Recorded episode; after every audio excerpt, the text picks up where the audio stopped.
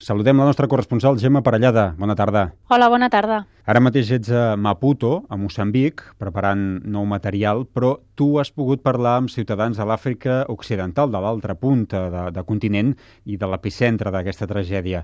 On la situació ara mateix està fora de control és a Libèria. Has parlat amb una periodista de Monròvia, amb un periodista de Monròvia més aviat. Què t'ha dit? Doncs eh, l'Stephen Binda m'ha estat descrivint, m'ha estat dibuixant una mica aquests dies com és el dia a dia a Monròvia, la, la capital de Libèria, una ciutat de gairebé un milió i mig d'habitants, que tot just començava a aixecar cap després de la guerra i també que està passant, eh, que està passant una mica la resta del país, molt tocat encara per la ressaca del conflicte, com deia, i doncs com s'està vivint el pànic, la psicosi per un virus, eh, l'èbola, que està totalment fora de control, especialment a, a Libèria.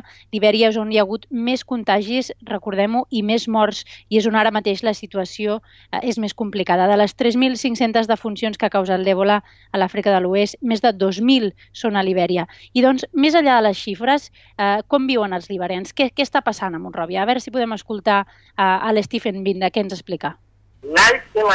La vida a Libèria és molt complicada. És molt difícil aconseguir diners per alimentar la família. Les escoles estan tancades. Els funcionaris no essencials no van a la feina. La situació és molt grisa, molt trista. És a dir, el sistema sanitari està col·lapsat i bloquejat eh, per l'èbola, això ho sabem, però més enllà dels, dels pacients, l'èbola ha contaminat la normalitat i l'economia, és a dir, el dia a dia del país s'ha declarat l'estat d'emergència i a toc de queda a les 11 de la nit, la gent no pot obrir els comerços de manera habitual i en un país que viu al dia amb un dòlar diari de, de mitjana que s'han de guanyar, que no, no hi ha estalvis, la paràlisi que ha generat el virus s'ha convertit en una amenaça per la supervivència de milions de persones. Els que tenen la botiga oberta després de les 6 de la tarda són detinguts i fins i tot la policia actua amb violència i els obliga a tancar i anar cap a casa. Amb tota aquesta situació és com si Montròvia fos una zona de guerra. La gent de la ciutat està sent castigada per la parada de l'economia diària. No tenen manera de trobar ni diners ni menjar com una zona de guerra, diu, per això ja ha veus que diuen que aquesta situació pot desembocar en violència. Ja hi ha hagut eh, algunes tensions, sobretot al barri popular de West Point, que, que la policia va segellar perquè uns malalts s'havien escapat de l'hospital. La gent de West Point acusaven el govern d'enviar-hi els malalts i condemnar-los a, a condemnar la, a la comunitat, que és una zona molt humil, al contagi, eh, com si els haguessin de, de, de condemnar no, el contagi. El Vinda m'explicava que gairebé no hi ha autobusos ni transport públic.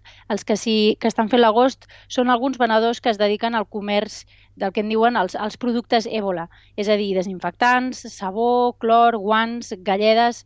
El preu de la galleda, per exemple, ha pujat d'un dòlar a 15 dòlars a Montròvia, a Montròvia, o sigui que tant el menjar i els productes bàsics com els elements per la prevenció de l'èbola estan fora de l'abast de la majoria. Els productes Ebola, déu nhi Si també eh, també has parlat amb una metgessa, eh, ja sabem les dificultats que tenen aquests professionals sanitaris. Eh, en aquest cas, però, eh, aquesta metgessa, aquest testimoni és de Guinea Conakry, i allà la situació eh, crec que és una mica diferent. Sí, la, la Fatumata, que treballa a Guinea Conakry, que és, on, que és on es va originar el brot mm -hmm. i segueix estant en la zona roja del contagi del virus, però allà, en canvi, s'ha aconseguit calmar en certa manera, el pànic en algunes zones. Hi ha també episodis violents, en algunes comunitats s'han atacat equips mèdics i de sensibilització, però en general s'ha aconseguit superar la por que, com és lògic, va generar el ràpid abans de l'epidèmia. Escoltem la, escoltem la Fatumata. Hi ha hagut molta sensibilització a la televisió i sobretot a la ràdio i això ha fet calmar la psicosi. La població sap que la bola hi és i tothom en parla, però no impedeix a la gent de continuar treballant. La Fatumata diu que, que al març, quan es va declarar l'epidèmia, molta gent portava guants, la gent es quedava a casa, no s'atrevia a sortir, però que un cop es va entendre que, que amb certa precaució es pot seguir fent vida normal, eh, molta gent ha recuperat certa confiança. Ella mateixa diu, accepta tenir por i ha perdut un amic que treballava eh, curant a pacients. A la pràctica, eh, com ho fan? Com ho fan per superar aquesta por? Com prevenen del, del virus? Escoltem-la. Tothom ha intentat comprar una galleda que s'omple amb aigua i clor, que es posa a totes les entrades dels llocs públics, però també de les cases, per rentar-se les mans. Així que abans d'entrar a un domicili, a la perruqueria o on sigui, tothom, per norma, es renta les mans. És la veu de l'Àfrica Occidental que ens arriba avui circumstancialment des de l'Àfrica Oriental. Gemma Parellada, Maputo, Moçambic. Bona tarda, gràcies. Adéu, gràcies, bona tarda.